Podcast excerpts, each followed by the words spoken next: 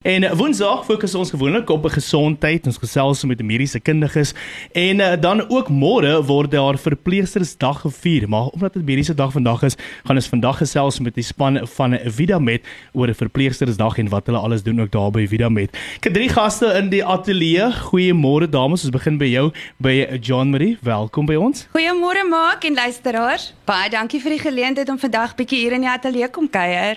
Welkom en dan ook Ria, goeiemôre. Goeiemôre maak. Absoluut heerlik om hier te wees met hierdie pragtige uitsig in die uit die ateljee. En dan ook aan die ander kant van my het ek vir Anita. Anita, goeiemôre. Welkom by ons. Goeiemôre maak. Ehm um, dis 'n voorreg om hier te kan wees vandag en baie dankie vir die uitnodiging. Julle almal is welkom. Ons gaan lekker gesels vir die volgende paar minute en Ria, ons begin by jou. Ons fokus op 'n verpleegstersdag. Wat of wat is verpleegstersdag en hoekom vier ons dit? Ja, maak verpleegstersdag is die herdenking van die geboorte van Florence Nightingale. Sy staan ook bekend as the Lady of the Lamp om sodoende ook haar bydrae tot die moderne verpleging te herdenk. Verpleegstersdag is 'n jaarlikse instelling. Dit was altyd 'n dag wat ons gevier het, maar deesdae is dit 'n maand van Mei wat verpleegstersmaand genoem word en in oor die weke dan, dan spesifiek die 12de Mei die erkenning en die waardering vir al die verpleegsters wat 'n bydrae lewer met hul professionaliteit, toegewydheid en met passie versorging toepas tot die gesondheidsorg in die land en wêreldwyd. Nou Anita Florence Nightingale, wie was dit?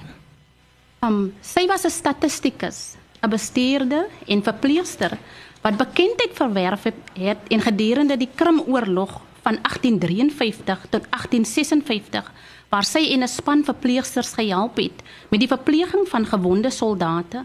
Sy het in die nag as almal geslaap het met haar lamp soos 'n engel tussen die gewonde soldate pa of pasiënte beweeg en versorg. Van daar die naam The Lady with the Lamp.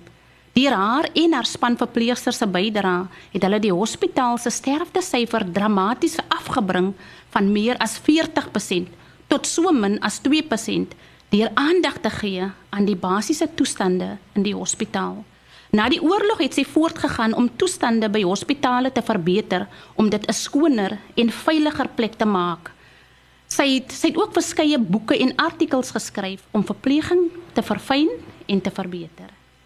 Dan Ria en Anita, wat het julle gemotiveer of geïnspireer om 'n verpleegster te word? Ria, eers jy. Ja, maar ek dink dis die my passie vir mense om 'n verskil te maak in mense se lewe in die gesondheidssektor en so deel te wees van 'n multidissiplinêre span met die fokus op die individu, gesinne en die gemeenskappe om optimale gesondheidsorg en lewenskwaliteit te handhaaf en selfs na ontslag.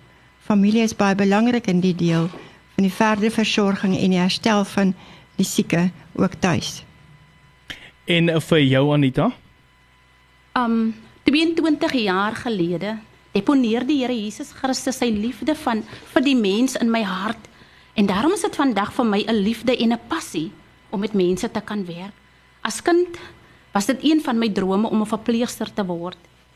Maar in my jonger jare was die geleenthede beperk en weens die finansiële uitdagings was dit nie onmiddellik moontlik nie. Ek het egter nie opgehou droom daaroor nie en so het dit begin by tuisversorging en gegroei tot waar ek vandag in die hospitaal deel is van die versorging van pasiënte. Se spoedige herstel en om 'n pasiënt met waardigheid te behandel en met baie liefde om daardie pasiënt 'n positiewe uitkyk te laat kry oor hom of haar omstandighede. Baie baie dankie. Ja, dis ongelooflike werk wat julle doen. Ek uh, gesels vanoggend het ek ook met 'n apteker gesels en ek praat oor uh ek het 'n 4 maande ou babatjie nou en die ongelooflike werk wat die susters gedoen het. Ons twee, ek en my vrou wat vir eerste keer ouer is, hulle nie sonder hulle gedoen het nie. Ek het nou die dag by die hospitaal toe ons moet uitgeboek word. So kan ons nie van julle saamneem huis toe. ja, ons moet kan te doen so ons by die huis is nie. So baie ja. baie dankie vir wat julle doen. Ek gesels met die span van Vidamed en ons gesels ons fokus eintlik op internasionale verpleegsters dag wat môre gevier word, maar ons gesels nou vandag daaroor op 'n gesondheidswoensdag. En of met my in die ateljee het ek vir John Marie, Ria en Anita wat saam met my kuier. Nou Maria en Anita, watter eienskappe sou julle dink is belangrik as iemand 'n verpleging as beroep sou oorweeg? Maak ja, is 'n interessante vraag. Ehm um, die persoon sou met passievol 'n uh, omgee mens wees met baie spesifieke eienskappe. 'n Hart vol omgee en liefde.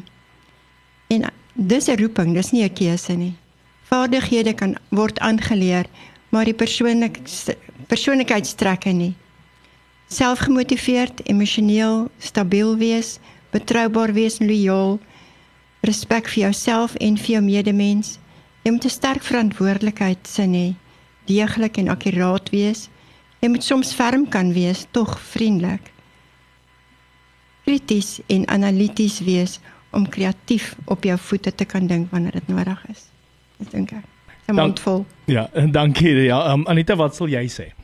Um, ek wil graag byvoeg by Suster Ria dat jy bereid moet ook moet kan wees om skofte te kan werk wat nagdiens insluit.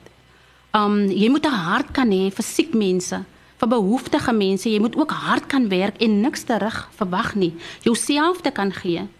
Omgee dink ek is die essens van verpleging.